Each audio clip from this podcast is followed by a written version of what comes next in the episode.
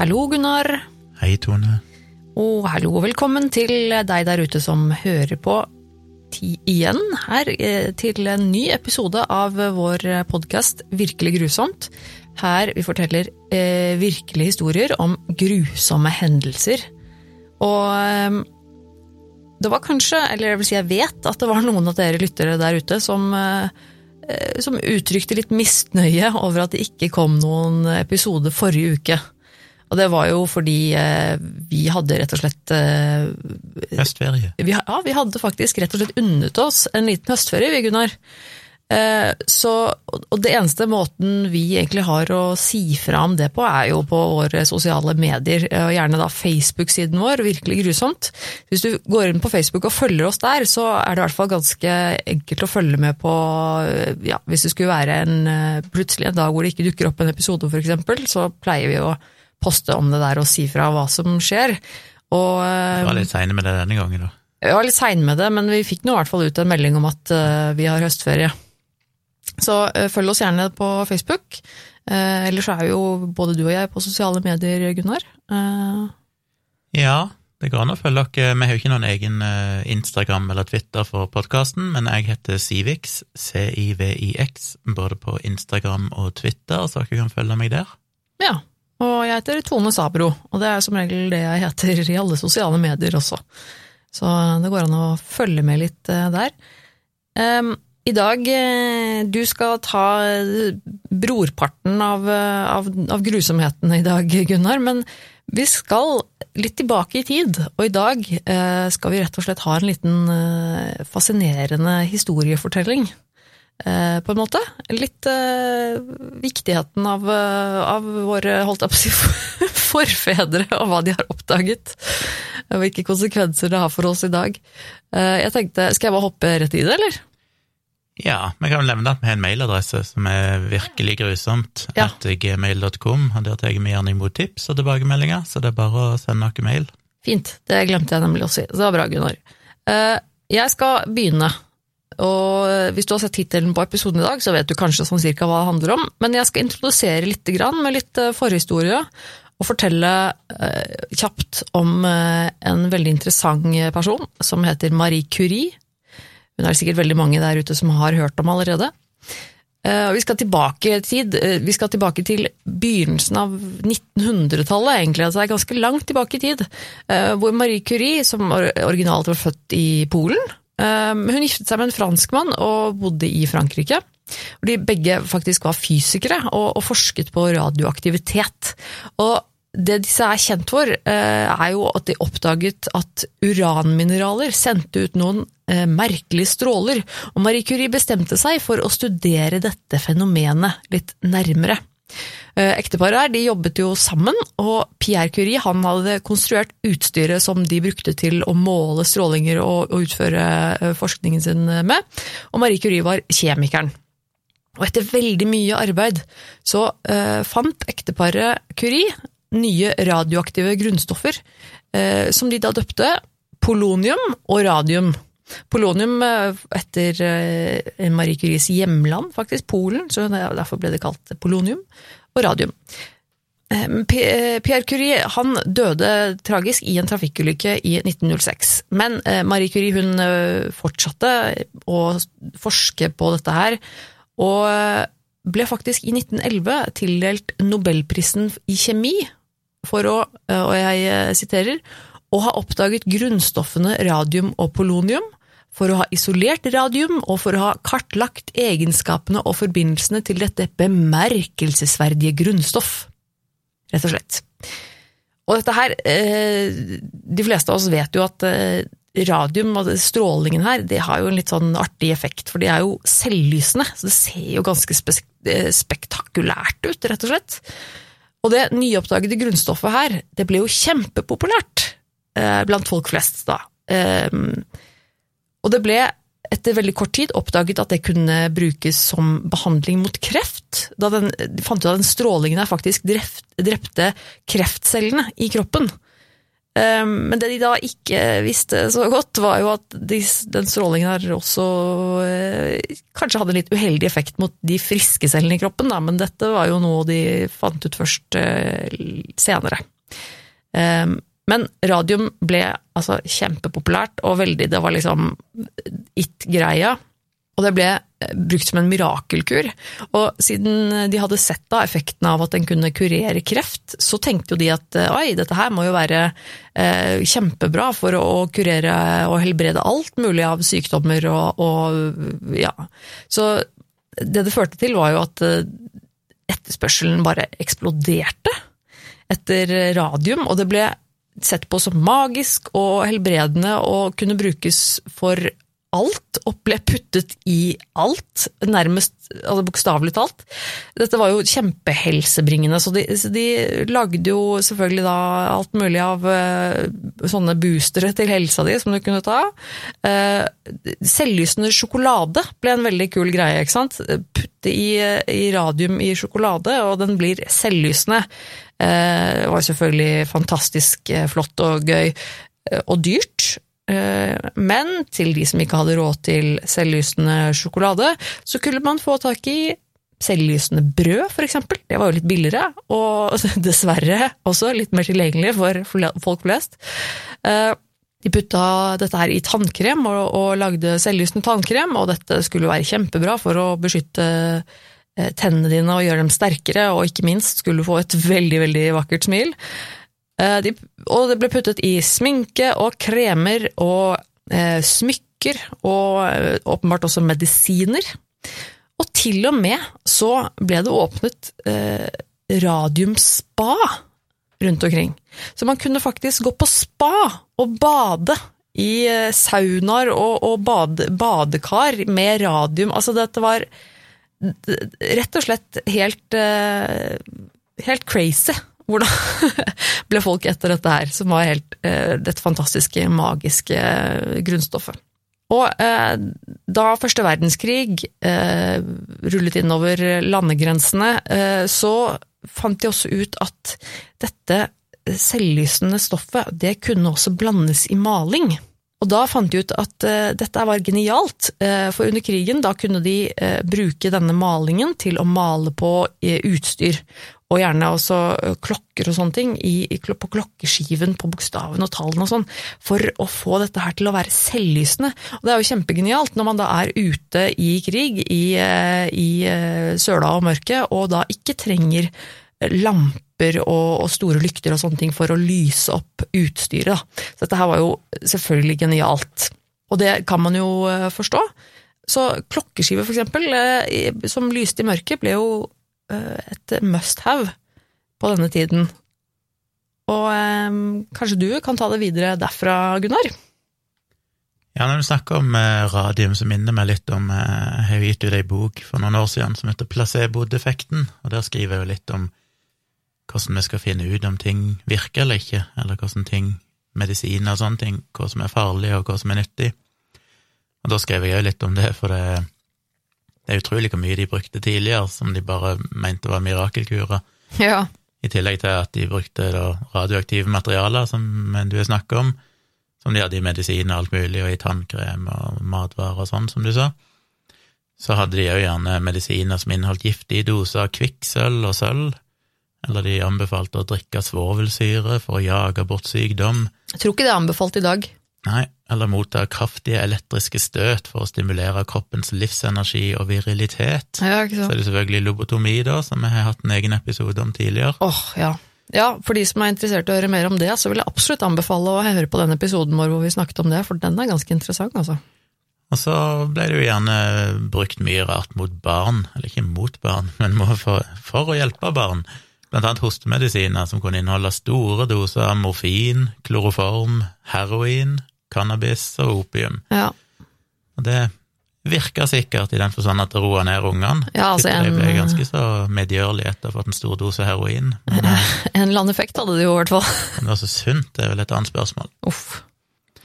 Ja, vi skal jo langt tilbake i tid, rundt 100 år, og uh, dette er jo egentlig Den kom fram i lyset igjen, denne saken, fordi det har jo blitt en uh, et av mange eksempler fra vitenskapen og historien der kvinners rolle er blitt undertrykt og ikke fått nok oppmerksomhet, Mm. selv om det har vært ganske store konsekvenser, store effekter av det som vi skal høre om.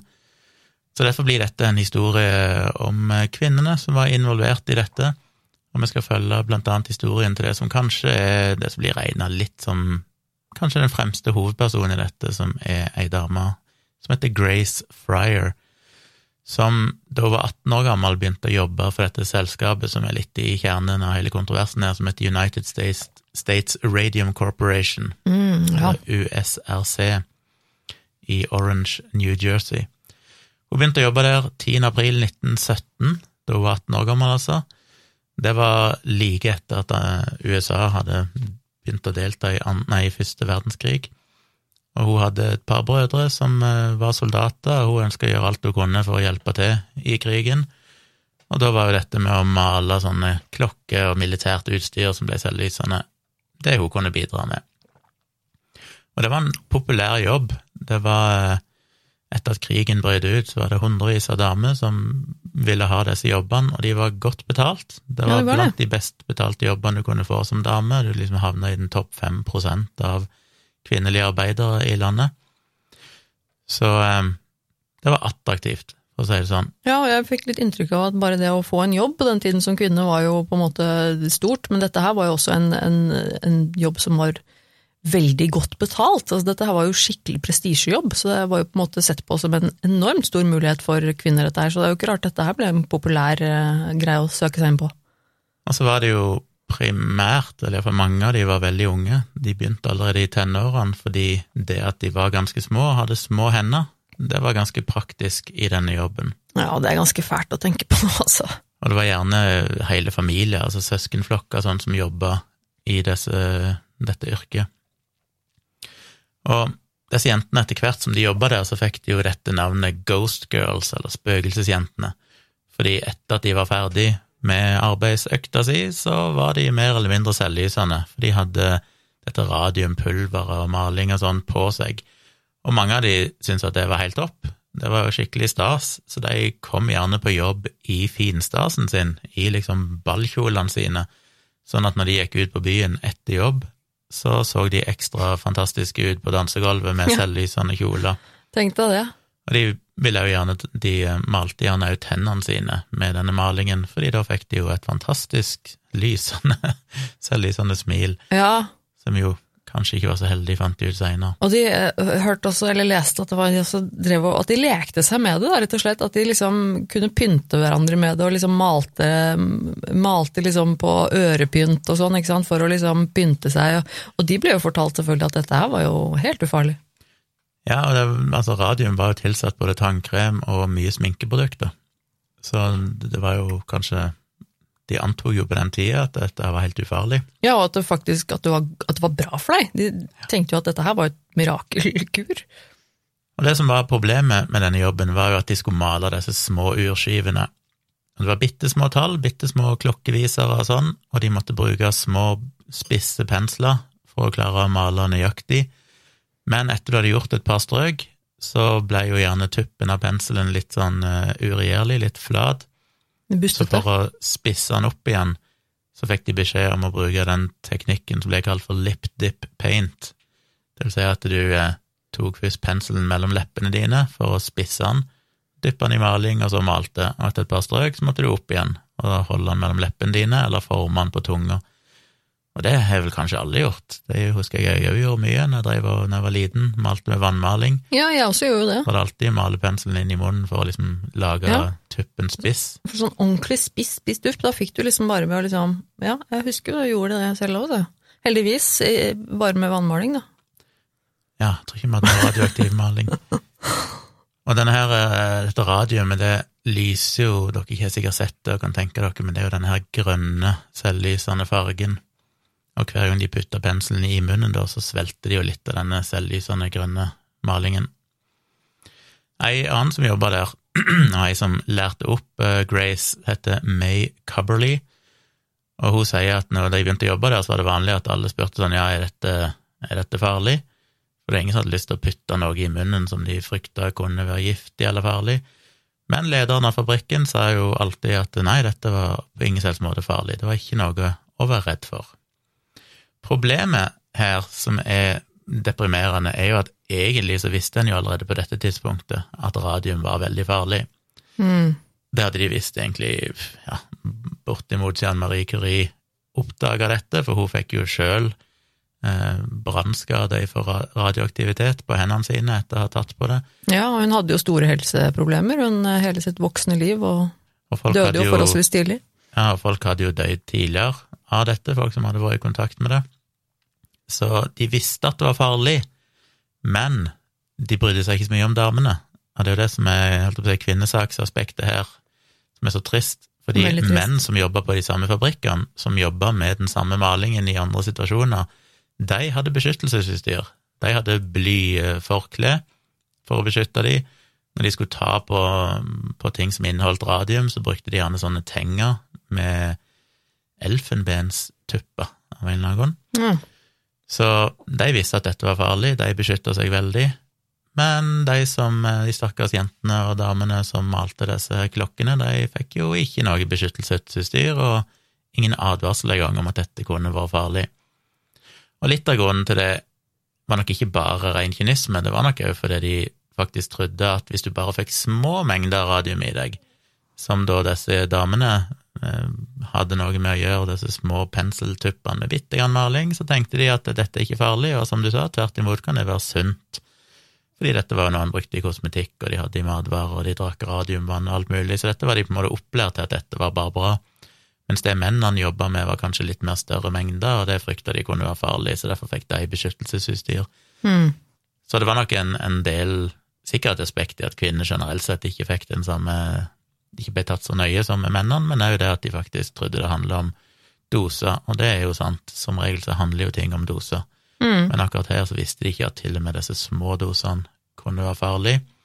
Og den store forskjellen òg, som de ikke hadde tenkt på, er jo at det er fryktelig mye farligere å få dette inn i kroppen enn det å bare bli eksponert på utsida av kroppen.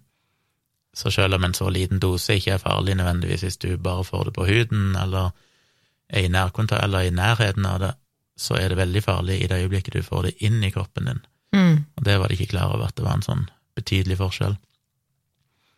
Og igjen, de var jo, holdt på å si, lært opp til å tro at dette var synd. Til og med aviser sånn hadde jo gjerne avisartikler som skrev at dette kunne få deg til å leve mange år lenger hvis du bare brukte alt dette radiumgreiene. Så, så det var jo ikke så rart. Problemet er jo, igjen, dette er toucher borti mange ting, og det er jo òg eh, det som mange ofte assosierer med big tobacco, ikke sant, hvordan tobakksindustrien i så mange år forfalska forskning og, og brukte penger på å undertrykke forskning som viste at tobakk var farlig. Og mye av den forskningen, da, eller kanskje det meste av den forskningen som skulle vise at eh, å bli eksponert for radium var sunt, eller iallfall ufarlig, det var jo også da finansiert av de firmaene som produserte disse, som utvant radium og produserte radiumsmaling og sånn. For det var en veldig lukrativ industri, og de ønska jo å promotere dette. Og de ignorerte jo bare alt som eksisterte av faretruende signaler på at dette faktisk kunne være farlig. Mm.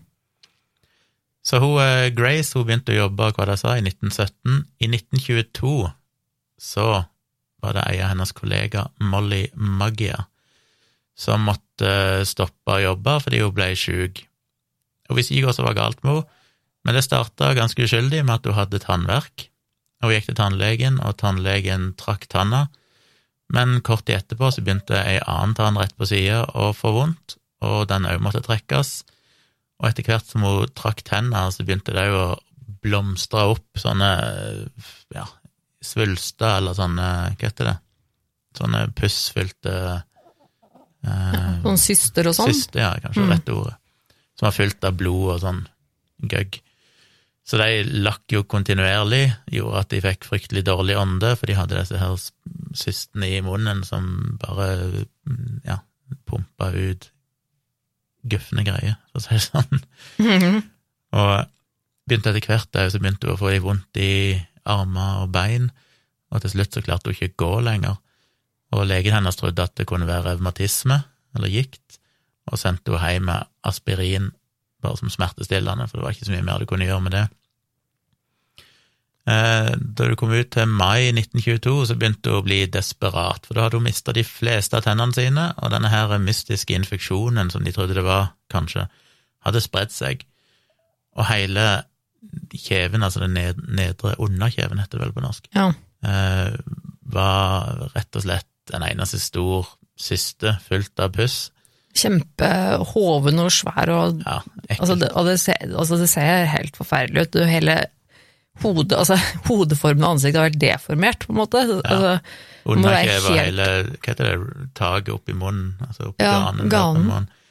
Og eh, ørene og alt mulig begynte jo å bli oppsvulma og, og Og ekkelt. det må jo være helt forferdelig og smertefullt, og tenk deg liksom bare alle, bare ha det sånn i hverdagen, på en måte, det å kunne måtte spise og kle seg og sove og ligge stå, altså, Alt det derre altså, Ikke bare smertene, men hvordan, hvordan altså, Nei, det må jo være helt Og så tenk å gå rundt og se sånn ut, det må jo være helt forferdelig. Og da gikk det tannlegen igjen. Så begynte han å, å liksom undersøke inn i munnen og dytte litt borti ting, og oppdaga til sin uh, sjokk og eh, Sjokk og vantro. Sjokk og vantro, heter det vel. Så oppdaga han at hele, eller en del av kjevebeinet rett og slett bare løsna når han dytta på det. Jeg Så han kunne det. bare plukke det rett ut av munnen hennes. Bare plukker ut den tanna her, vi får den er råtten, og så bare følger en bit av kjeven med, liksom. Å, fy faen. Og bare noen få dager seinere så skjedde det samme med basically hele underkjeven hennes. Han kunne rett og slett bare plukka ut hele underkjeven, for den bare løsna. Så hun, stakkars Molly Maggia, hun falt jo rett og slett ifra hverandre. Og hun var ikke den eneste. For nå begynte jo Grace Fryer, hovedpersonen i dette òg, å, å verke i kjeven, og begynte å få vondt i beina, og flere andre kollegaer begynte å kjenne på de samme symptomene. På høsten 1922 så ble det verre for Molly Maggia, som jo da hadde mista tenner og kjeve og alt mulig. Hun begynte å øh, få vondt i halsen, og denne her eh, ja, symptomet da med alt det som gikk i oppløsning, hadde spredd ned over i halsen hennes, og plutselig så spiste det seg gjennom en av disse viktige, store blodårene. Og klokka fem på ettermiddagen så plutselig så sprakk blodåra og fylte munnen med blod, og hun blødde basically i hæl så fort at ingen klarte å stoppe det. Så hun døde 24 år gammel av rett og slett å blø i hæl. Tenk deg 24 år gammel. Da er du, det, er det er jo så krise. Altså, alt det da hun har gått igjennom før det, og så dø på den måten der. Og legene skjønte jo ingenting hva som egentlig var greia her, men de endte opp med å konkludere med at det må ha vært syfilis. Mm. Og eh, det ble jo brukt imot de seinere, etter hvert som disse damene da begynte å reagere mot disse firmaene og si at her er det noe muffens, så ble de jo utsatt for en sånn svertekampanje fra disse firmaene som hevda at nei, dette var bare syfilis, og siden syfilis er en seksuelt overførbar sykdom, så var jo det et sånt forsøk på å diskreditere de som ja, som lause, liksom, som folk som bare lå rundt og hadde tilfeldig sex, og så hadde de pådratt seg kjønnssykdom, og dette var som fortjent. Åh, tenk det. Igjen et sånt tegn på hvordan damene ble behandla. Ja. Så etter hvert begynte jo bare flere og flere av disse kollegaene å dø, men dette firmaet, da USRC, de nekta for at de hadde noen ting med dette å gjøre i minst to år. Men så begynte det å, å gå en del rykter, og i pressen og sladder rundt forbi, om at her var det noe rart som skjedde, disse damene, eller unge damene og jentene som døde, og de begynte rett og slett å bli et sånn PR-messig problem for firmaet. For de klarte ikke å kvitte seg med all denne her negative omtalen, og det påvirka businessen negativt. Så i 1924 så gikk de til slutt ut, og så engasjerte de da en ekspert til å undersøke om det var en sammenheng mellom det å drive og male disse urskivene, og det at du faktisk døde av det. Og denne eksperten, som da var en del av en sånn uavhengig kommisjon, de kom fram til at jo, det var det jo faktisk. De konkluderte med at her er det en sammenheng, dette er åpenbart farlig. Det likte jo ikke presidenten i USRC, så istedenfor å akseptere funnene, så betalte han for enda flere studier som skulle vise det motsatte, som basically var betalt for å konkludere med at dette var helt ufarlig, og det var ingen sammenheng mellom denne radioaktive malinga og disse sykdommene. Og han eh, løy òg til myndighetene og sa at, eh, og basically bare sa at den studien, uavhengige studien da hadde konkludert med det samme, at dette var ufarlig, selv om han da egentlig hadde vist at dette faktisk var farlig, og at det var en sammenheng. Og offentlig så gikk han jo ut og igjen da prøvde å sverte damene og si at dette var bare damer som var opportunister, som ville prøve å få firmaet til å betale for legeregningen sin og sånn, og det var jo ikke deres ansvar. Så dette var egentlig bare løgn, de prøvde å skylde på firmaet for å få dekka kostnadene sine til medisinsk hjelp. Så problemet her, ettersom dette firmaet hadde mye penger og klarte å produsere forskning som skulle vise at dette var ufarlig, og òg knebla forskning som faktisk viste at det var farlig, så var det jo et stort problem eller en utfordring for disse damene å klare å bevise at det faktisk er en sammenheng her. For de var jo ganske overbevist om at det måtte være det, og det var vel relativt åpenbart ettersom såpass mange av de endte opp med å dø med de samme symptomene mm. i det samme yrket. Så de diskuterte jo mellom seg og fant ut at uh, dette må jo være firmaet som er ansvarlig for dette. De må jo, vi må jo kunne, kunne legge skylda på dem, for de har jo sagt dere at dette er helt trygt og ikke gitt dere noe beskyttelsesutstyr og sånn. Og, eh, men det var vanskelig for de å få hjelp før den første mannlige ansatte døde. I, eh, Selvfølgelig. Jeg er litt usikker på akkurat når det skjedde, men det døde til slutt en mann, og da var det en lege som heter Harrison Martland, som i 1925 klarte å bevise en gang for alle at dette var faktisk radium som hadde forgifta disse damene. Han klarte å forklare hvorfor dette skjedde, hva som skjedde når du fikk radium inn i kroppen, og så og påpekte òg at de hadde visst dette siden 1901. De visste da at uh, små doser innvendig i kroppen var ekstremt mye mer giftig og farlig enn doser på utsida av kroppen. Og Pierre Curie hadde jo sjøl sagt, før han døde, at han ville aldri vært i et rom sammen med et kilo av uh, rent radium. Han mm. regna med at det ville brenne all huden av kroppen hans og ødelegge synet hans og sannsynligvis ta livet av han.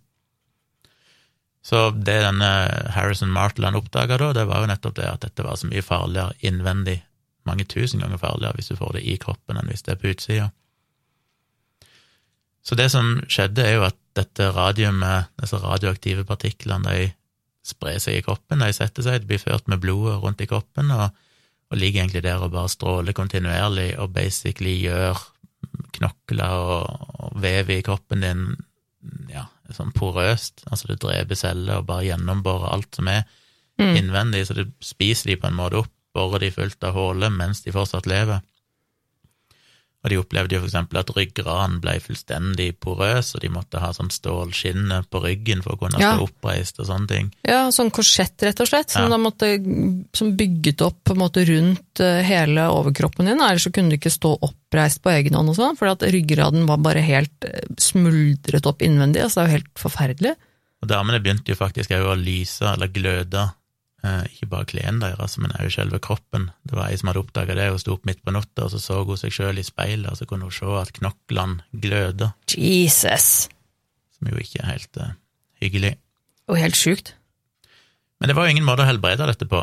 For det er klart, når du først har fått radioaktiv eh, stråling inn i kroppen, iallfall på den tida, jeg vet ikke om det finnes noe i dag, spiser jodtabletter eller sånn, men men du får vel ikke gjort så mye med det hvis det er liksom embedda inn i knoklene dine og sånn, så det var ikke mye du kunne gjøre, men en kunne iallfall prøve å skaffe rettferdighet for disse damene. Mm.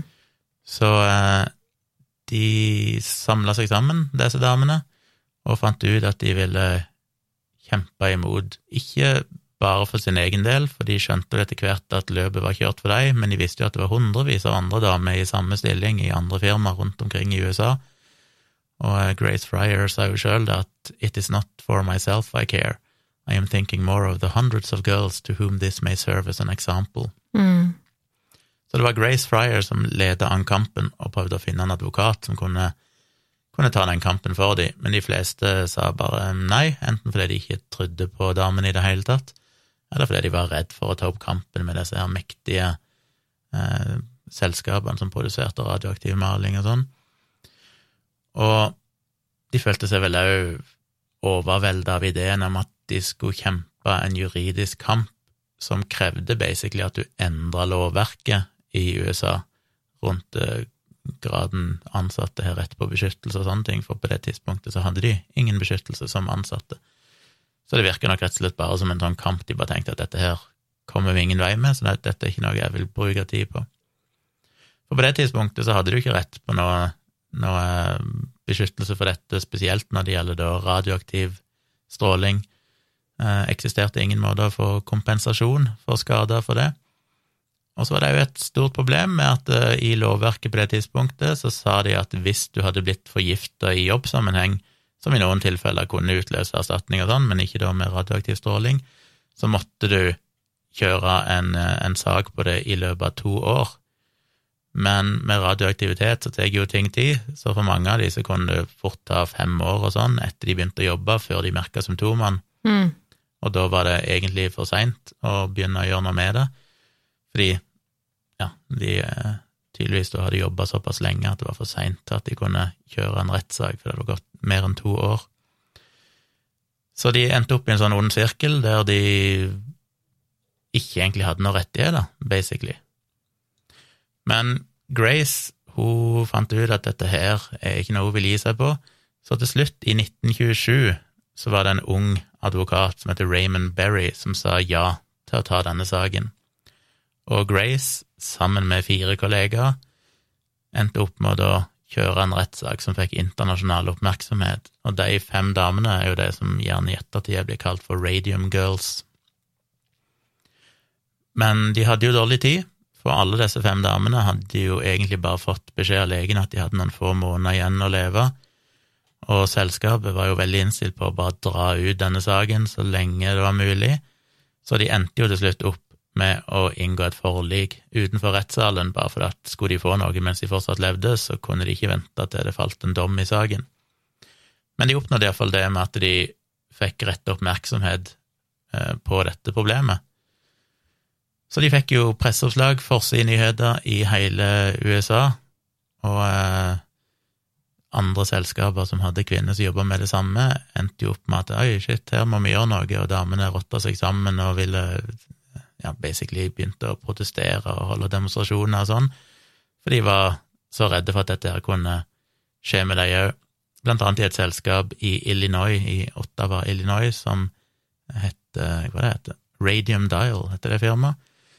Som egentlig bare fulgte den samme strategien som USRC hadde gjort, og bare sa at nei, nei, nei, dette er ikke vår feil, selv om deres egne undersøkelser viste at disse damene helt tydelig hadde klare symptomer på radioaktiv eh, forgiftning, så løy de bare om resultatene og sa at nei da, det var ingen sammenheng, de hadde undersøkt dette, her fant de ingen sammenheng.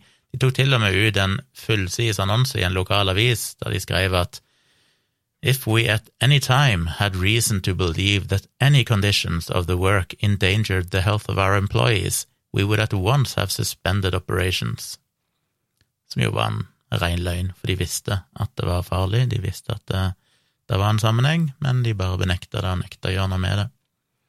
De gikk til og med så langt, og det er så drøyt, men gikk til og med så langt som at når disse damene døde og skulle obduseres, så klarte de å sende inn eh, ansatte i firmaet som stjal knoklene til disse likene, for ikke, sånn at ikke noen skulle kunne finne ut at de var da helt gjennombora og infisert, alt på av radioaktivt materiale. Som er ganske drøyt, for å si det mildt. Mm. Um, så var det jo mange ting som drepte de. En del av de døde jo da at de primært fikk svulster og, og, problemer i munn- og kjeveområdet og sånn, men de fikk jo òg, det er jo bilder av det på nettet altså enorme sånne svulster på sånn 15-20 centimeter som stikker ut av beina på de og sånn. Så det er ganske, ganske drøyt. Mm. Men saken fortsatte, for de vant jo ikke denne rettssaken opprinnelig, de fikk jo bare rett oppmerksomhet på det. Så først i 1938 så var det ei som het Catherine Wolff, eh, og som endra navn til Donahue, Catherine Donahue, etter å gifte seg. Hun fikk en svær sånn grapefrukt, eh, altså en svulst på størrelse med en grapefrukt, på hoften sin. Hun òg begynte å miste tennene, og basically endte opp med å plukke kjevebeinet ut av sin egen munn, som jo er trivelig. Å, fy fader. Så hun endte opp eh, sengeliggende og måtte ligge med et sånn lommetørkle eller håndkle inntil kjeven hele tida, for det rant ut liksom puss kontinuerlig. Og hun hadde òg sett andre kollegaer dø, så hun fant ut at hun ville òg kjempe for denne saken. Og dette var jo da midt på 30-tallet, midt under den store depresjonen, og mange firmaer gikk jo konkurs, så det var økonomiske nedgangstider. Så hun møtte mye motstand fordi at hun da prøvde å, å saksøke et av de få firmaene som faktisk hadde overlevd denne denne økonomiske nedgangstida. Mm. Og, men hun fortsatte, hun fant ut at dette er en sak hun skal kjempe, så da saken eh, endte opp i retten i 1938, så var hun døden nær, og hun kunne ikke møte opp i rettssalen, for hun var så syk og nær døden, men de sendte jo faktisk da ut eh, advokater og sånn til å komme og ta hennes eh, vitnesbyrd mens hun lå i senga hjemme, Mm. og noen av de jobba jo gratis, for de vil- fant ut at dette er en sak vi ønsker å, å støtte, og endte opp da med å vinne denne saken, som Ja. var det store gjennombruddet, egentlig. Det finnes jo bilder av dette her hvor de har fotografert henne da liggende i sengen med Mm. alle disse menneskene rundt, hvor hun da avleverer vitnesbyrd fra senga, hvor hun ligger døende. Det er ganske, ganske spesielt, altså. Så dette her endte jo da opp med at i tillegg til at jeg vil vel anta at de slutta i stor grad med den type arbeid, så førte det jo til at de faktisk fikk endra lovverket i USA, og fikk etablert det som kalles for The Occupational Safety and Health Administration, som jobber for å beskytte eh, helse og, og sikkerhet for arbeidstakere i hele USA.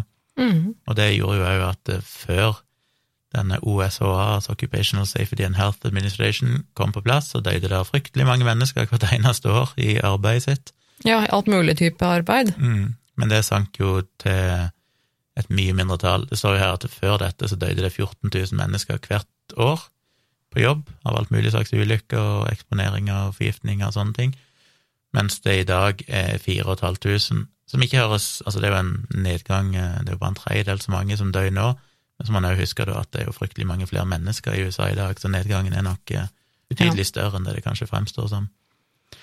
Så det har jo virkelig hatt enorme effekter. Altså det at de kjempa imot både industrien, kjempa imot presse, kjempa imot sladder og rykter, eh, var jo så viktig. Altså det har sannsynligvis redda hundretusenvis av liv i ettertid, det at de tok den kampen. Mm. Men dessverre så hører en jo ikke så mye om de. Igjen da så er det kanskje mest nå hundre år etterpå at en har begynt å virkelig snakke om de igjen, blant annet på grunn av at det blitt skrevet bøker, det er blitt laga dokumentarer, en film òg, så vidt jeg vet. Ja, jeg så det var kommet en film eh, for noen år siden, jeg har ikke sett den, men eh, den ligger på Netflix, så jeg. Radiant Girls heter den. Ja, så det er jo mange som fortjener honnør her, men de som ofte blir trukket fram, da er jo Grace Fryer, som kjørte den eh, friste rettssaken, Mm. og da hun Catherine Donahue, som kjørte den andre rettssaken, som eh, kanskje var den mest sånn juridisk sett betydningsfulle. Så må man jo huske på, da, at eh, som de skriver i en sånn eh, avslutning her, hun ene som har skrevet ei bok om dette, som heter The Radium Girls, hun minner jo folk på at radium har jo en halveringstid på 1600 år, så det betyr jo at disse stakkars damene som er døde og ligger begravd, er jo fortsatt selvlysende, sannsynligvis, og vil være det i mange tusen år. De er fortsatt radioaktive der de ligger i graven sin. Så det var vel egentlig det jeg hadde å si, eh, som en gjennomgang av den historien. Hadde du noe å tilføye? Jeg syns du eh, gjorde det bra, jeg. jeg syns du fikk med deg alt nå. Det er jo Det, eh, det er jo en horribel måte å dø på, altså radioaktiv forgiftning. Det å få det i kroppen er jo ja, En kan jo bare, ut ifra det vi beskrevet, kan en jo bare tenke seg hvordan disse damene hadde det før de døde. Det- Det er en av de sånne ting som jeg syns er sånn utrolig fascinerende grusomt. Det er når du Altså, og andre ulykker som har skjedd med, med um, radio, radioaktivitet og, og eh, Nå står det helt stille. Og, eh, Tsjernobyl og sånne ting, hva er det de heter? Atomkraftverk som eh, har eh, blitt ødelagt. Hvor det er mennesker som har dødd da, av radioaktiv stråling, eller eh, eh, radio, radioactive poisoning Hva er det det heter på norsk, egentlig? Hva blir det? Vel radioaktiv forgiftning. Ja. Ehm, og, det, og det er en sånn ting som alltid bare har fascinert meg. Altså hvordan det for, det høres bare så forferdelig ut. Altså Når du går inn i og ser på hvordan av de menneskene som har fått en overdose av radioaktiv stråling, da, hvor fort de dør, og hvordan de dør, hvordan kroppen bare eh, det, Altså, det bare råtner innvendig. Altså, det er bare helt sånn Det er så fascinerende grusomt at det fins et, et sånt naturlig grunnstoff, liksom, som gjør det med menneskekroppen. Nei, jeg bare helt eh, det, er- det, helt, eh, det er litt mind-blowing. Og Samtidig så er det jo mye desin, altså desinformasjon, holdt jeg på å si. Altså den serien Tsjernobyl, som jo var en fantastisk bra serie, den Det det. fremstilte jo mye av det feil. Sånn de ideene om at Det er smittsomt og sånn. Ja, de arbeiderne som ble eksponert for det, som lå på sykehus etterpå, at det da var farlig å komme i kontakt med dem, det jo, vil jo overhodet ikke være farlig på noe som vis. Men øh, visste de det på den tiden? Det visste de nok. Ja, ok, for det var det jeg lurte på, for jeg- for jeg- som har overdrevet det for å få det til å gjøre det mer Ja, dramatisk. Okay, ja, for det var det jeg lurte på, for jeg visste jo det at det var en, en feil de gjorde i den serien, at de fikk det til, å- at de snakket om at, at, at de var smittsomme, de menneskene som lå der, og at man Ikke måtte ta på de, de og, på, og sånne ting. Eh, Men, men det, det visste jeg jo at det var galt, men jeg lurte på var om de faktisk visste det på den tiden også, at det ikke var farlig å ta på menneskene. At det- ja. det er nok bare dokumentaren som er ja, for det var jo litt sånn nedtur at de Eller sier dokumentar, men eh, serien. ja. ja.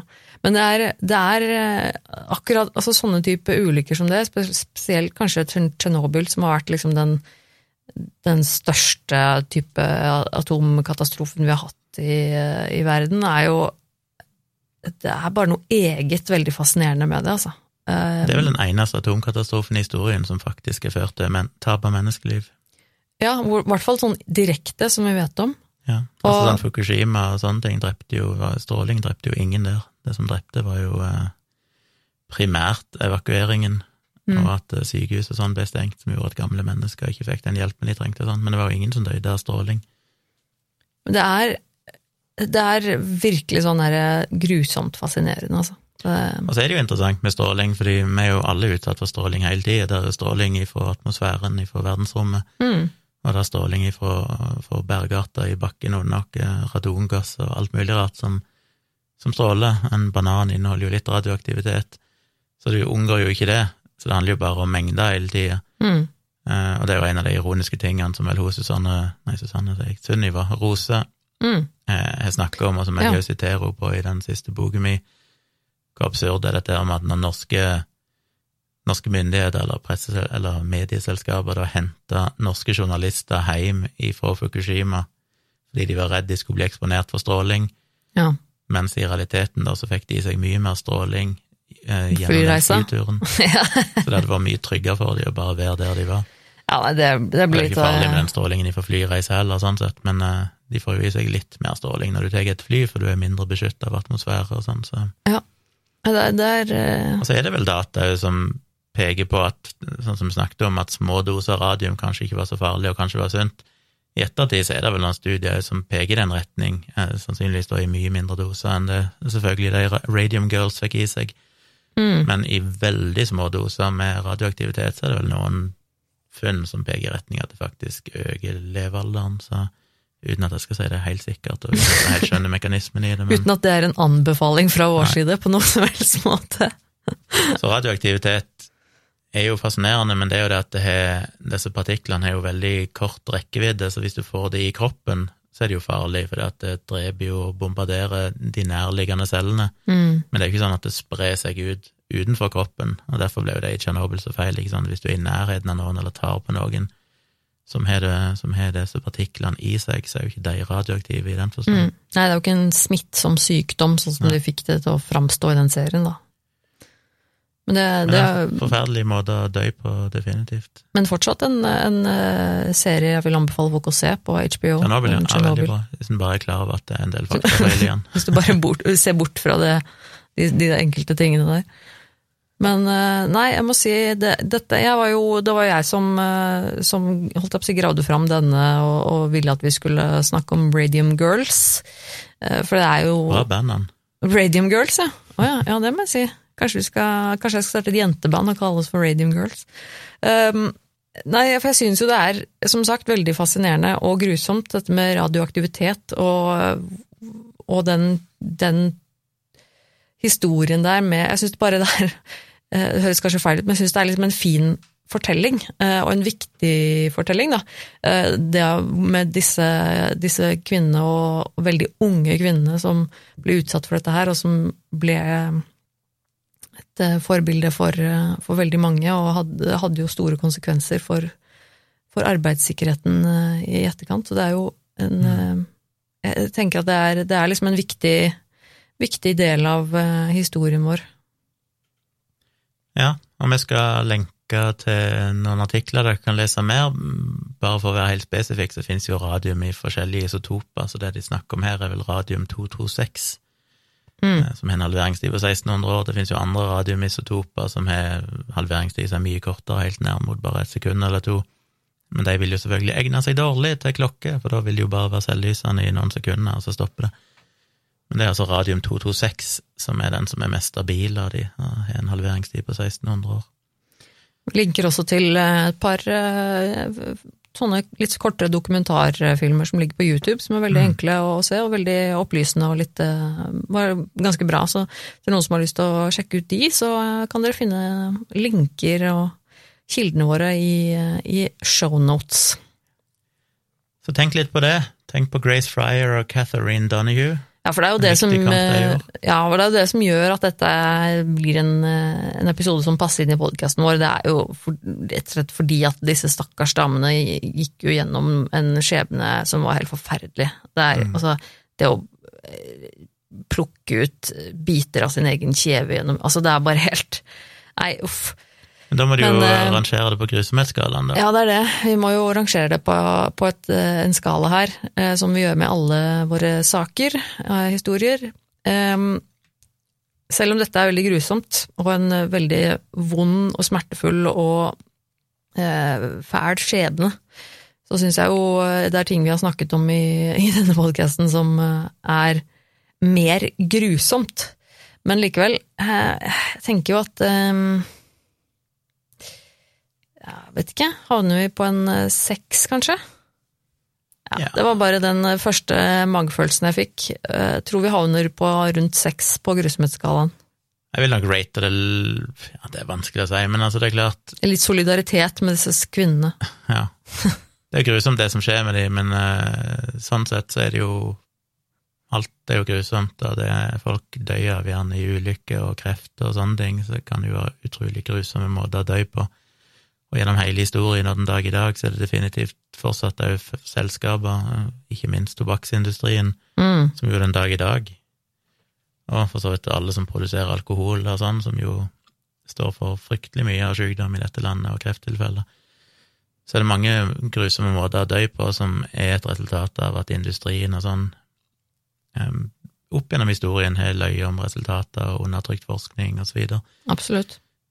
Så det er liksom vanskelig. Jeg, jeg føler jo ja, jeg, jeg, jeg plasserer nok litt lavere på akkurat grusomhetsskalaen, fordi det er ikke spesielt unikt. Relativt få folk.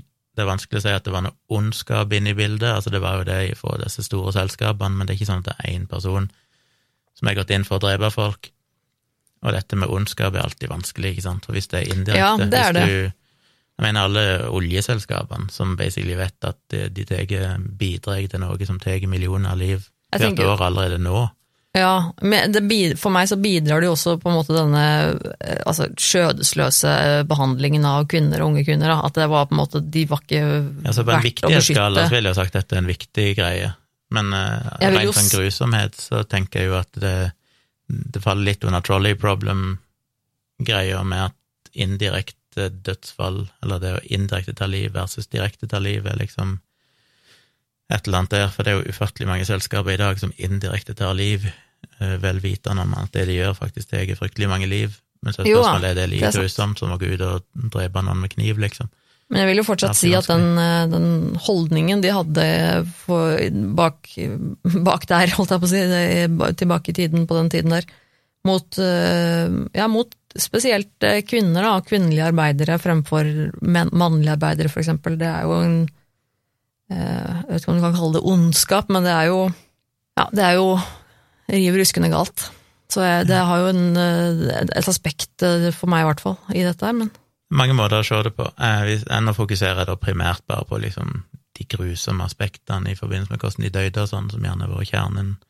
Da Mm. tenker jeg eh, Nei, det er, liksom umulig. Men jeg følte bare sånn kanskje fire, eller noe sånt, på skalaen. Men det er mange måter å se det på. En kunne jo sagt det var ti, bare fordi at det er så altomfattende med tanke på industrien og Men det jo alt mulig eh, sånn. Så det er liksom Det tar jo ikke vekk fra viktigheten og, fascinasjonen i historien her, så jeg vil jo fortsatt si at det finner sin gode plass i podkasten vår. Og vi vil gjerne høre ifra hva dere mener. Skriv unna, vi poster jo disse episodene på Facebook-sida Virkelig grusomt, og på Instagram-kontoen vår pleier vi å dele det.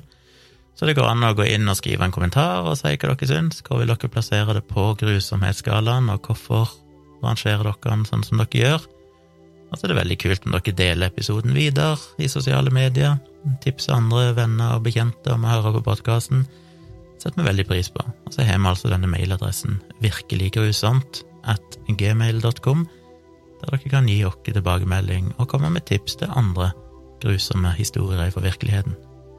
Så må vi bare igjen da takke til deg som har hørt på episoden, og til alle som fortsetter å høre og støtte podkasten vår. Det setter vi stor pris på. Så er vi nok tilbake igjen her, vi, med en ny grusom fortelling om en ukes tid. Det er vi. Ha det. Ha det.